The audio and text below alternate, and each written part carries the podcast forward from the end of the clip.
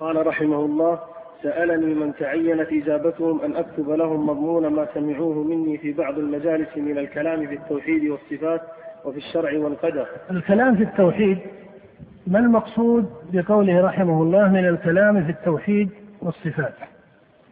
توحيد الله سبحانه وتعالى هو اعتقاد وحدانيته سبحانه وتعالى وحدانيته من جهة ربوبيته ومن جهة ألوهيته وعبوديته.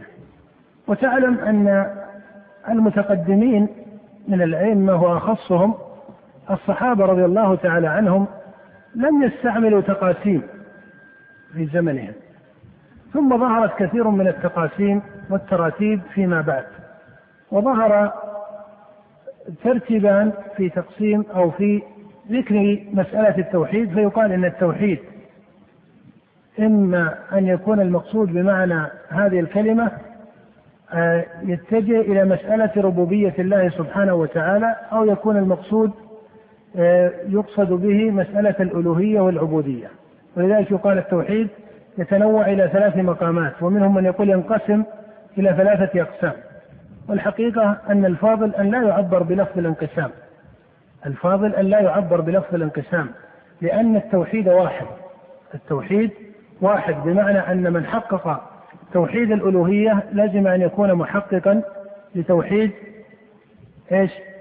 الربوبية وكذلك من حقق توحيد الربوبية من حقق توحيد الربوبية فإن تحقيقه إياه يستلزم أن يكون منقادا للإيمان والإقرار بتوحيد الألوهية فإن قال قائل فالمشركون الذين بعث النبي صلى الله عليه وسلم فيهم قد ذكر القرآن كثيرا أو قد ذكر الله في كتابه كثيرا في مثل قوله تعالى ولئن سألتهم من خلق السماوات والأرض ولئن سألتهم من خلقهم فتجد أن الجواب أنهم يقولون الله.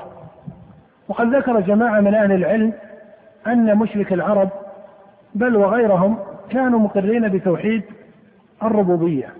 وذكر الإمام ابن تيمية أن إنكار الربوبية مطلقا لم يذهب إليه أمة من الأمم. هذا الكلام الذي يقع في كلام أهل العلم أو قبل ذلك هذا الظاهر الذي في كتاب الله سبحانه وتعالى في ذكر المشركين وما يقرون به من مسألة خلق السماوات وخلق أنفسهم هو لا شك على ظاهره. ولكن هل يلزم من ذلك أن هؤلاء المشركين كانوا محققين لتوحيد الربوبية؟ الجواب لا. فرق بين أن يقال إن مشرك العرب وغيرهم كانوا مقرين بأصول من أصول الربوبية أو يقال إنهم كانوا مقرين بجمل الربوبية أو أن أو أن يقال إنهم كانوا مقرين بالربوبية في الجملة. هذا كله صحيح. وعلى هذا يفسر ما وقع في كلام ابن تيمية وفي كلام أئمة الدعوة وغيرهم من أهل العلم. وأما أن مشرك العرب أو غيرهم من المشركين كانوا محققين. ولا بد أن تنظر في كلمة التحقيق ما هي. كانوا محققين أي مؤمنين الإيمان الصحيح بمسألة الربوبية فهذا ليس بصحيح. فإنك تعلم أن مشرك العرب وغيرهم ممن يعبد الأصنام وغيرها من المعبودات.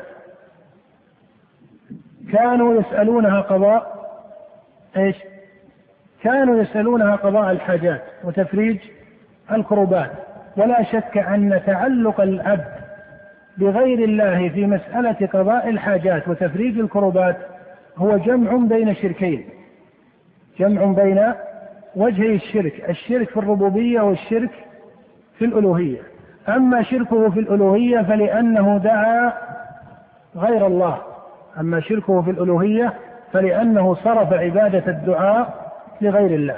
وأما شركه في الربوبية فلأنه اعتقد أن هذا المعبود من الصنم أو غيره فلأنه اعتقد أن هذا المعبود من الصنم أو غيره قادر على مسألة قضاء الحاجات وكشف الضر وتفريج الكروبات ومعلوم أن هذا هو مقام رب العالمين كما قال إبراهيم عليه الصلاة والسلام في ذكره وبراءته من عبودية المعبودات فإنه قال فإنهم عدو لي إلا رب العالمين. فإذا يقع في مشرك العرب وغيرهم الشرك في الربوبية وهذا وجه منه وكاستقسامهم بالأزلام. فإنهم يستقسمون بالأزلام ويمضون على إمضائها ويردون على ردها. ولما دخل النبي الكعبة يوم فتح مكة دخل الكعبة كما في صحيح البخاري من حديث ابن عباس فإذا فيها صورة إبراهيم وإسماعيل وهما يستقسمان بالأزلام. فقال عليه الصلاة والسلام قاتلهم الله أما لقد علموا أنهما لم يستقسما بها قط. فالاستقسام بالأزلام على معنى الإمضاء والرد هو وجه من الشرك أيضا في ربوبية الله. فالمقصود أن ما ذكره الله في كتابه عن مشرك العرب أنهم يقرون بأن الله هو الخالق هذا صحيح. لكن هذا الإقرار ليس يعني التحقيق التام والإيمان الصحيح بربوبية الباري وإلا فإن من آمن على التحقيق بربوبية الباري سبحانه وتعالى انقاد لإيش؟ انقاد لعبوديته وحده لا شريك له. وتعلم أن مشرك العرب كان يعرض لهم في بعض الصور أنهم يقرون بتوحيد الألوهية.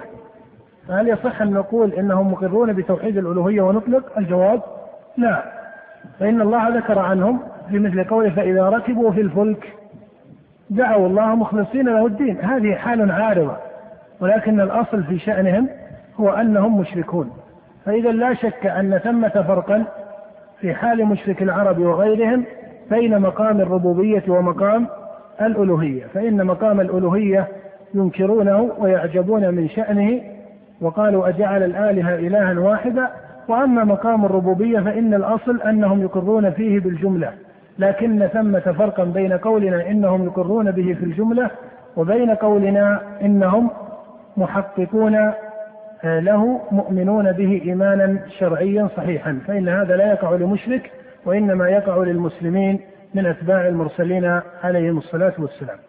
فإذا التوحيد واحد وإنما ذكر من ذكر من أهل العلم أن التوحيد إما أن يقال توحيد الربوبية أو الألوهية أو الأسماء والصفات هذا من باب التراتيب العلمية.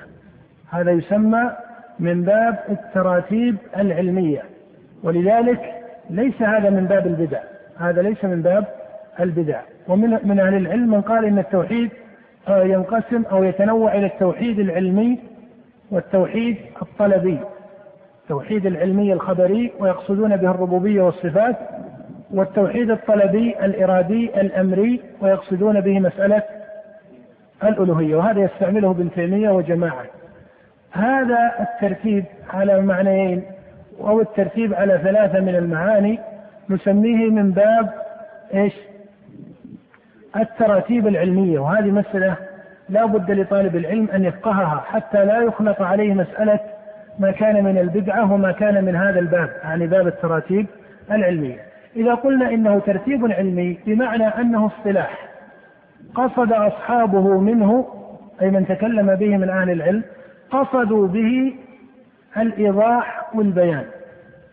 ولا يلزم أن يكون هذا الاصطلاح لازما لكل أحد وإنما الذي يلزم سائر المكلفين هو العلم بحقيقة هذا التوحيد.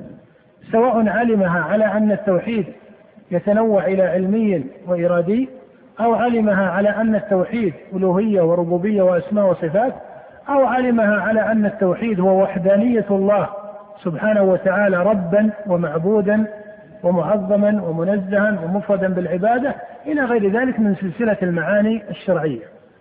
فالذي يلزم سائر المكلفين أن يعلموه ويعملوا به هو أن يتبعوا المعنى الشرعي أن يتبعوا المعنى الشرعي سواء عبر عنه بهذا الاصطلاح أو عبر عنه بهذا الاصطلاح. ولذلك ينبغي أن يكون طالب العلم على فقه في هذا المقام.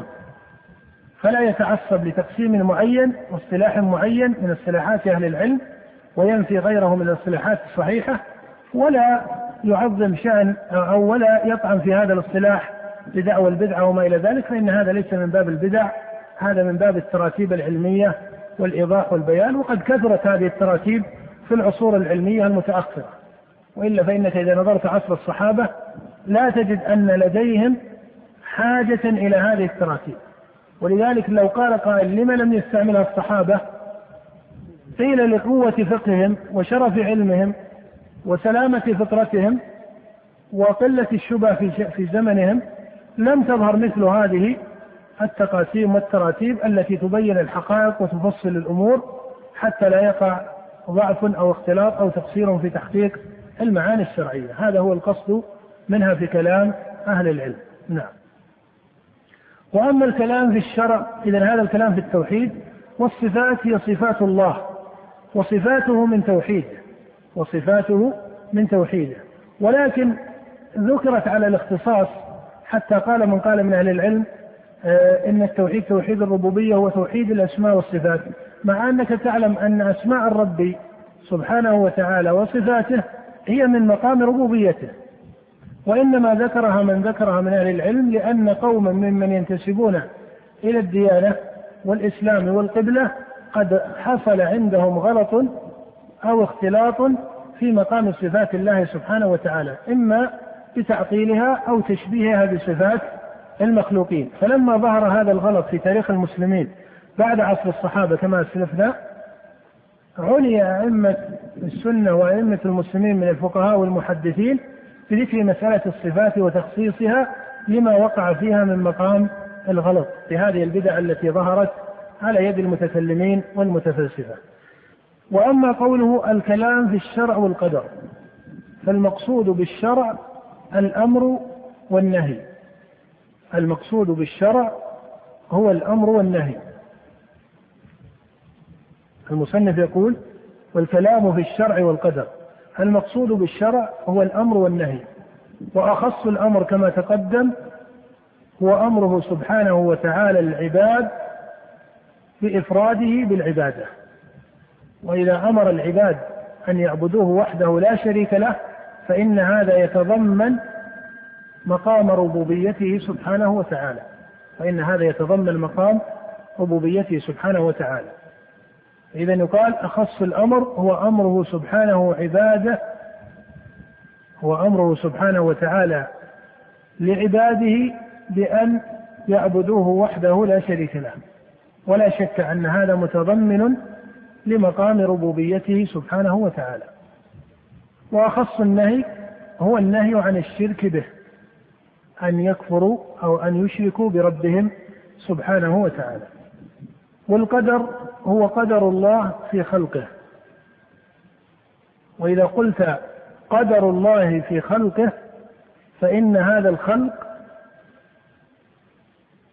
اسم عام. بمعنى أنه ليس خاصا بالعباد من بني آدم بل هو قدره سبحانه المضطرد فإن الله هو الخالق وما سواه مخلوق. والله سبحانه وتعالى هو الباري وما سواه عالم مخلوق وهو رب العالمين أجمعين من بني آدم ومن الجن والملائكة وغير ذلك من الحي والميت والجماد وما إلى ذلك. فقدره سبحانه وتعالى مضطرد في سائر خلقه. وهذا القدر له أصول ومعاني يأتي إن شاء الله التعليق عليها. وإنما ذكر المصنف هذه المسألة لأن مقاما في هذا الأصل وهو القدر حصل فيه غلط عند قوم من أهل القبلة وهو ما يتعلق بأفعال العباد وصلتها أو وصلتها بقدر الله سبحانه وتعالى. فإذا القدر هو قضاء الرب سبحانه وتعالى على خلقه فيما يتعلق بحركاتهم وسكناتهم ومعالهم وأفعالهم وما إلى ذلك. نعم.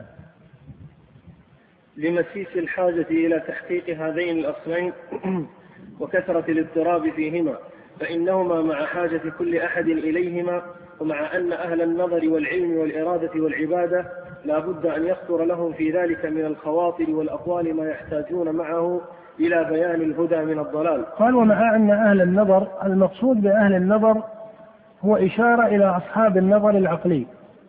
إشارة إلى أصحاب النظر العقلي. وهذا هو الغالب على مصطلح النظار إذا ذكر فإنه مصطلح متأخر فإذا ذكر النظار فإنه إشارة إلى هؤلاء والغالب على هؤلاء أنهم متكلمون الذين اختصوا بمسألة النظر أي من علماء الكلام ويأتي إن شاء الله التعليق على معنى هذا العلم. وإن كان لا يلزم من مصطلح النظر أن يكون نظرا عقليا على طريقة المتكلمين بل يمكن أن يكون نظرا إيش؟ شرعيا صحيحا على طريقة المرسلين. فإن النظر العقلي ليس هو النظر في علم الكلام. ومعلوم أن دليل العقل ليس هو دليل علم الكلام. فإن الله أمر من أمر من عباده بالنظر. كمثل قوله تعالى أولم ينظروا في ملكوت السماوات والأرض؟ ولكن هل أمر الله سبحانه وتعالى سائر المكلفين بالنظر من جهة وجوده سبحانه وتعالى أي لمعرفة وجوده ومعرفة ربوبيته؟ الجواب لا. لم يأمر سبحانه وتعالى سائر العباد بأن ينظروا لمعرفة وجوده لأن وجوده سبحانه وتعالى وربوبيته فطرة فطر الله سبحانه الخلق عليها. وإن وإنما من التعثت فطرته بشيء من الضلال أو شيء من الشك فإن هذا يكون النظر في حقه مشروعا لدرء هذا الإشكال وهذه الشبهة وهذه الظلمة التي طرأت عليه. وأما إذا قصد بالنظر النظر في باب التفكر في خلق السماوات والأرض على جهة التحقيق والتأمل والتدبر فإن هذا لا شك أنه مشروع لسائر المكلفين. ولذلك ابن تيمية تجد في كتبه يقول إن الله لم يأمر سائر المكلفين بالنظر. مقصوده بهذا الذي لم يأمر الله به سائر المكلفين هو النظر في من جهة معرفة الرب ربا موجودا. فإن هذا فطرة في قلوب بني آدم. ولهذا لم يأمر به الباري سائر المكلفين. وأما النظر على معنى التفكر والعلم والتدبر لخلق الله سبحانه وتعالى وتحقيق زيادة الإيمان بذلك فإن هذا مما شرع. إن في خلق السماوات والأرض واختلاف الليل والنهار لآيات لأولي الألباب. نعم. لا سيما مع كثرة من خاف هذا مقصود بأهل النظر. عفوا. وأما أهل العلم فإن هذا الاسم إذا ذكر يراد به أهل علم الشريعة. يراد به أهل علم الشريعة.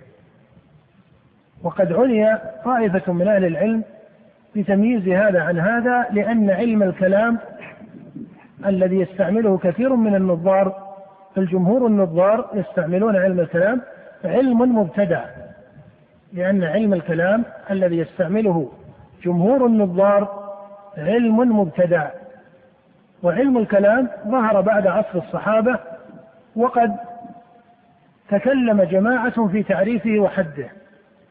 ومن أخص من تكلم بذلك وشاع كلامه في في المعاصرين ابن خلدون صاحب المقدمة. وفضلا عن علماء الكلام أنفسهم فإنهم يذكرون في مقدمة كتبهم التعريف بهذا العلم. ويقولون في تعريفه أنه معرفة العقائد الإيمانية بالحجج العقلية. هذا تقريبا التعريف الشائع في كلام النظار وبعض الأصوليين وغيرهم. أنهم يقولون عن علم الكلام أنه معرفة العقائد الإيمانية وربما يقولون العقائد الشرعية بالحجج العقلية. وهذا التعريف ليس بصحيح لأن هذا العلم لو كان من هذا الوجه لا يمكن أن يكون معارضا للشرع ولا يمكن أن يكون مذموما هذا الذم الذي ذكر في كلام الأئمة المتقدمين الذين أدركوه. فإنه قد تواتر عن أئمة السنة والجماعة كالأئمة الأربعة مالك وأبي حنيفة والشافعي وأحمد وغيرهم تواتر عن الأئمة من الفقهاء والمحدثين أنهم ذموا علم الكلام وذموا أصحابه. ومعلوم أن الدليل العقلي لم يشتهر في كلام الأئمة الذم له. ولا تجد أن الله في كتابه ذم مسألة العقل. بل إن الله ذكر في كتابه أن العقل موجب ومحرك للهداية في مثل قول الله سبحانه وتعالى عن المشركين وقالوا لو كنا نسمع أو نعقل فدل على أن العقل لو حققوه لاستجابوا إلى الحق. وفي مثل قول الله ولقد ذرأنا لجهنم كثيرا من الجن والإنس لهم قلوب لا يفقهون بها. فإذا العقل ليس مذموما في القرآن وإنما يذم العقل إذا كان استعمل على غير وجهه ووضع في غير موضعه أو عورضت به الشريعة أو ما إلى ذلك. فإن هذا هو الذي يذم. أما هذا العلم أعني علم الكلام فإن الأئمة تواتر عنهم الذم له. واقرأ كتاب أبي إسماعيل الأنصاري الهروي الحنبلي حكى روايات متواترة عن الأئمة في ذمه. وسبب ذلك أن هذا العلم إنما ذمه الأئمة لفساد معانيه. وقد قال بعض المتأخرين كأبي حامد الغزالي إن الأئمة كالشافعي وغيره ذموا علم الكلام لما فيه من الألفاظ المحدثة. قال أبو حامد في, في الإحياء وغيره إن الأئمة المتقدمين ذموا علم الكلام لما فيه من الألفاظ المحدثة أي الألفاظ التي لم يوجد ذكرها في القرآن وفي السنة. وأبو حامد الغزالي وغيره يستعملون علم الكلام فدافع الغزالي رحمه الله عن استعماله فقال إن الشافعي وهو إمامه في الفقه قال إن الشافعي وغيره ذموا علم الكلام لحدوث ألفاظه قال ولما كان في زمننا هذا احتجنا لاستعماله لدفع صول الفلاسفة وغيرهم على الإسلام. ورتب الغزالي المسألة على طريقة قال مثل لبس ثياب الكفار فإنها لا تجوز. قال ولكن إذا قصد من لبس ثياب الكفار المصلحة والنكاية وما إلى ذلك بالكفار كان ذلك جائزا ليس من باب التشبه. هذا الوهم الذي ذكره أبو حامد ليس في مورده وليس في موضعه بل الصواب أن علم الكلام ذمه الأئمة لسببين. السبب الأول ما فيه من الألفاظ المحدثة فإن العقائد الشرعية العقائد الإسلامية ينبغي أن يعبر عنها بحروف وكلمات الكتاب وكلمات الرسول عليه الصلاة والسلام. ولا يصح أن يلقن المسلمون العقائد ويعلم العقائد بألفاظ كان يتكلم بها المتفلسفة أو ولدت من الفلسفة أو ما إلى ذلك. بل بد أن يتكلم بكلام الله وكلام رسوله وما نطق به الصحابة وما يقارب ذلك. أما أن تهجر هذه الكلمات الشرعية ويؤخذ بكلمات مخترعة محدثة في الإسلام فهذا ليس منهجا عدلا ولا صوابا. هذا السبب الأول. السبب الثاني أن هذا العلم تضمن معاني فاسدة. قال ابن تيمية رحمه الله في غير موضع في دار التعارض وغيره قال وذم الأئمة لعلم الكلام من جهة فساد معناه أعظم من جهة ذمه لحدوث ألفاظه. قال وذم الأئمة كالفقهاء الأربعة وغيرهم قال وذم الأئمة وإطباقهم في في الذم لعلم الكلام من جهة فساد معانيه أعظم من جهة ذمهم إياه لحدوث ألفاظه فإذا إذا قيل لما ذم السلف أو الأئمة لما ذموا علم الكلام لسببين ما اشتمل عليه من المعاني الفاسدة وما فيه من الألفاظ المحدثة التي استوجبت هجر الكلمات الشرعية في مسائل العقائد الإيمانية. هذان السببان. ولذلك تولد عن هذا العلم بدعة المعتزلة لتعطيل صفات الله سبحانه وتعالى وما إلى ذلك من البدع المعروفة في تاريخ المسلمين التي انحرف من انحرف بها من أهل القبلة. فإذا لما عرف أن هذا التعريف ليس صوابا لعلم الكلام فقد يقال ما هو التعريف الصحيح لهذا العلم. هنا يقال علم الكلام هو علم مركب من ثلاث مقدمات. علم الكلام علم حادث في تاريخ المسلمين بعد عصر الصحابة. أحدثه قوم من النظار المائلين عن طريقة الأئمة من الفقهاء والمحدثين. هو علم حادث أحدثه قوم من النظار بعد عصر الصحابة. قوم من النظار المائلين عن طريقة الأئمة من الفقهاء والمحدثين وهو مركب من ثلاث مقدمات. ولك أن تقول إنه مركب من ثلاث مواد. ولك أن تقول إنه مركب من ثلاث مواد. المادة الفلسفية التي لخصها هؤلاء النظار من الفلسفة. ومادة من الكليات العقلية العامة. ومادة من الجمل الشرعية العامة. وهذا من باب الضبط والعدل لأن الحقائق العلمية لا بد أن نتكلم فيها بعلم وإيش؟ وعدل حتى مقام الرد. إذا أردت أن ترد على مخالف لا يجوز أن تبغي على هذا المخالف بحكم ولا يجوز أن تزيد على مقالته بغير ما قاله. بل هذا العلم وهو علم الكلام نقول إنه مركب من ثلاث مواد. مادة فلسفية مفصلة. مادة فلسفية مفصلة. ومادة من الكليات العقلية ومادة من الجمل الشرعية. ولك أن تلاحظ أن الكليات أن المقام العقلي فيه مقام كلي وأن المقام الشرعي فيه مقام إيش؟ مجمل. يعني عندهم جمل من من الشريعة من الجمل الشرعية التي يراعيها هذا العلم قاعدة أن الله مستحق للكمال منزه عن النقص هذه يرون أنها قاعدة شرعية والصحيح أنها شرعية وعقلية أيضا فإن تنزيه الله عن النقص معلوم بالعقل وليس كما يقول من يقول إنه معلوم بالشرع وحده. فإذا قصدهم إلى جمل شرعية وإلى كليات عقلية ولكن جوهر هذا العلم الذي ينبني عليه ويقوم عليه من جهة التفصيل هي مقدمات لخصت من الفلسفة. فإن قال قائل ما وجه هذه الفلسفة؟ قيل البلاد التي فتحت زمن عمر وما بعده ولا سيما أعالي العراق كانت بلاد مليئة بهذه الثقافات الفلسفية وكان الترجمة بدأت من زمن متقدم في دولة بني أمية فلما ظهرت الترجمة لهذه العلوم دخلت هذه المولدات الفلسفية على المسلمين بما يسمى علم إيش؟ علم علم الكلام. ولذلك تكلم أصحابه بالجوهر والعرض ومسائل معروفة.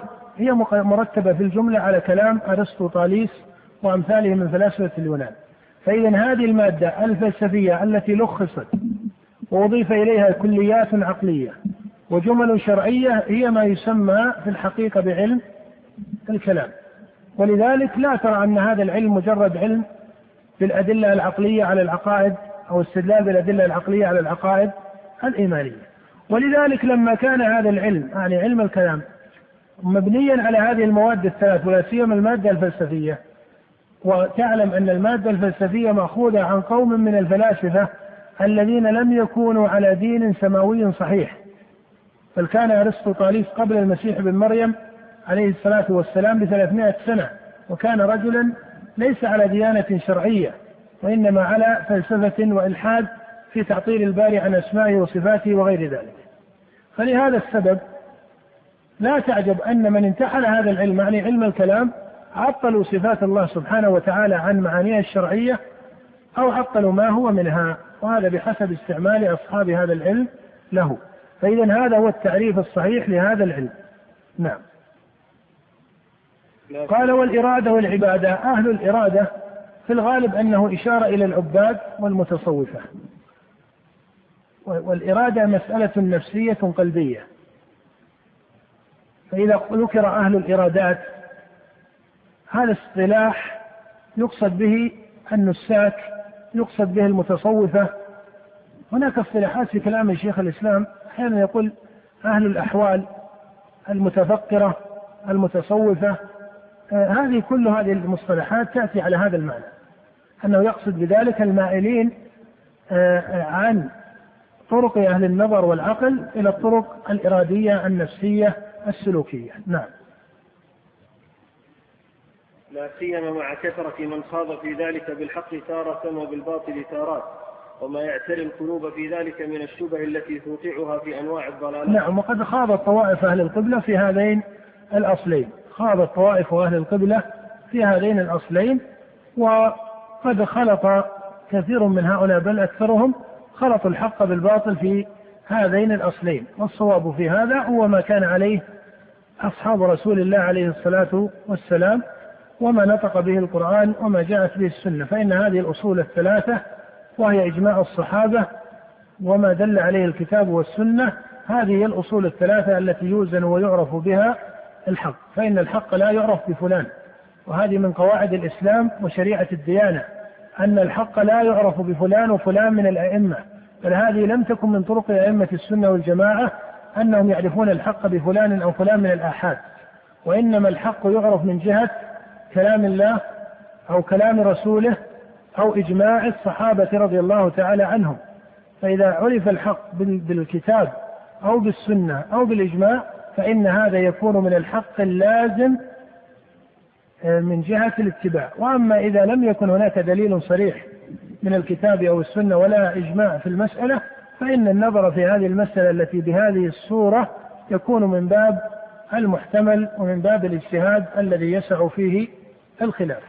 وأما إذا انضبط الدليل من النص والإجماع فإن هذا يكون دينا لازما لا تجوز مخالفته لقول الله تعالى ومن يشاقق الرسول من بعد ما تبين له الهدى ويتبع غير سبيل المؤمنين نوله ما تولى ونصله جهنم وساءت مصيره. نعم.